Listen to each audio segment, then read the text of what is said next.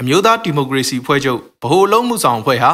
ဒီကနေ့ဇွန်လ10ရက်နေ့မှာကြေညာချက်အမှတ်1မြင်းဆောင်36 2021ကိုထုတ်ပြန်ခဲ့ပါတယ်။ကြေညာချက်အပြည့်စုံမှာ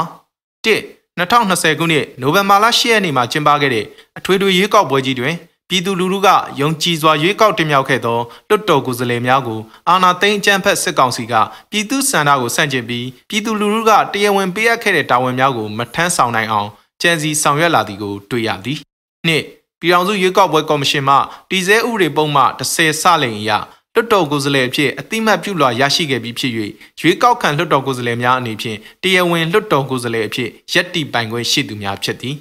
၃ တတိယအကြိမ်ပြည်ထောင်စုလွှတ်တော်ပထမပုံမှန်အစည်းအဝေးကိုဖေဖော်ဝါရီလ9ရက်နေ့တွင်အောင်မြင်စွာကျင်းပခဲ့ပြီးပြည်ထောင်စုလွှတ်တော်ကုစားပြုကော်မတီကိုဖွဲ့စည်းတာဝန်ပေးအပ်ခဲ့၍လွှတ်တော်ဆိုင်ရာလုပ်ငန်းတာဝန်များကိုထမ်းဆောင်လျက်ပြည်တွင်းပြည်ပထောက်ခံမှုများနှင့်အတူနိုင်ငံတကာအတိုင်းအဝိုင်းများနှင့်ပူးပေါင်းဆောင်ရွက်လျက်ရှိသည်၄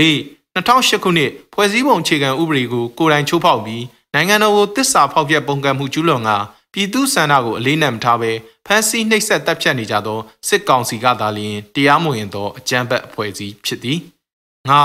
တို့ဖြစ်ပါ၍စစ်ကောင်စီမှကိုယ်စားလှယ်များအပေါ်လွတ်တော်ကိုယ်စားလှယ်အဖြစ်တရားဝင်ရက်တီခွင့်မရှိသေးသည့်ပုဂ္ဂိုလ်ဟုသတ်မှတ်ပြီး CRPH, NUG, PDF တို့တွင်ပါဝင်ပတ်သက်ခြင်းမရှိကြောင်း PRP ချင်းချောက်အတင်းတမခံဝင်ကလေးလက်မှတ်ရေးထိုးခိုင်းခြင်းများသည်လုံးဝတရားမဝင်ပါကြောင်းနှင့်လိုက်နာဆောင်ရွက်ရန်လုံးဝမလိုအပ်ပါ6 ပြည်သူလူထုမှရွေးကောက်တင်မြှောက်ကပေးအပ်ထားသည့်တာဝန်များကိုလွှတ်တော်ကိုယ်စားလှယ်များအနေဖြင့်မဖောက်မပြန်ဂုံတိတ်ခါနှင့်အညီရက်တီကြိုးပမ်းအားထုတ်ကြရမည်ဖြစ်ပါကြောင်းထုတ်ပြန်လိုက်သည်ဗဟိုအလုံးအမှုဆောင်အဖွဲ့မြို့သားဒီမိုကရေစီအဖွဲ့ချုပ်လို့ထုတ်ပြန်ထားပါတယ်ခင်ဗျာ။